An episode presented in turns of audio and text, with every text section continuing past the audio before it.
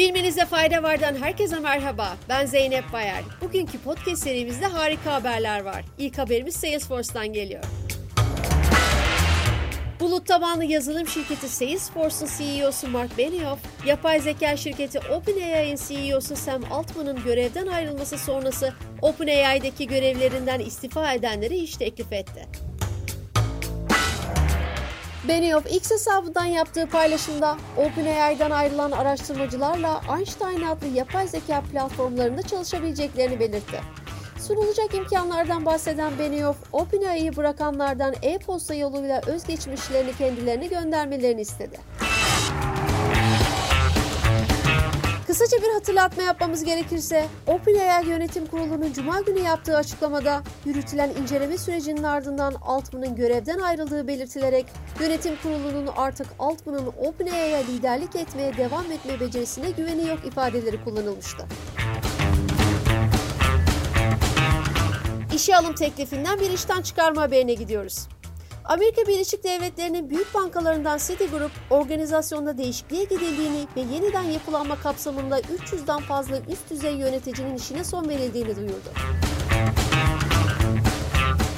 Bloomberg'de yer alan haberde bu sayının banka çalışanlarının yaklaşık %10'unu oluşturduğu kaydedildi. Söz konusu organizasyonel değişikliklerin New York merkezli bankanın son 20 yıldaki en büyük yeniden yapılanması olacağı belirtiliyor.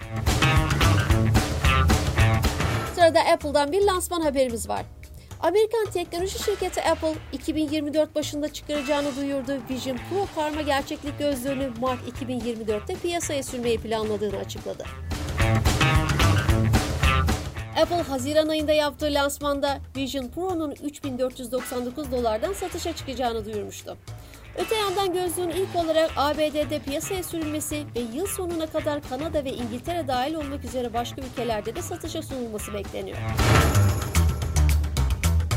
Global Times'ın haberine göre Çin'de düzenleyici kurumlar 3 yıl süren başvuru sürecinin ardından ABD'li ödeme sistemi şirketi Mastercard'a banka kartı işletme lisansı verdi.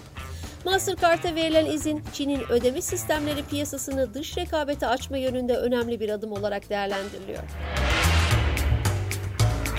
Çin'de banka kart işlemleri kamuya ait UnionPay şirketinin hakimiyetinde bulunuyor. Diğer taraftan çevrim içi ödeme sistemleri Alipay ve WeChat Pay ülkede yaygın olarak kullanılıyor. Tesla'dan bir haberle noktalıyoruz. Bloomberg'in haberine göre Hindistan, Tesla ile otomobillerini önümüzdeki yıldan itibaren ülkeye sevk etmesine ve iki yıl içinde bir fabrika kurulmasına olanak tanıyacak bir anlaşmaya yakın görünüyor.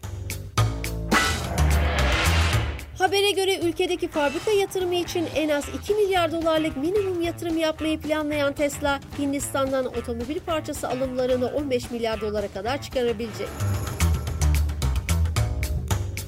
Bugünlük bu kadar. Cuma günü tekrar görüşmek üzere. Sağlık ve mutlulukla kalın.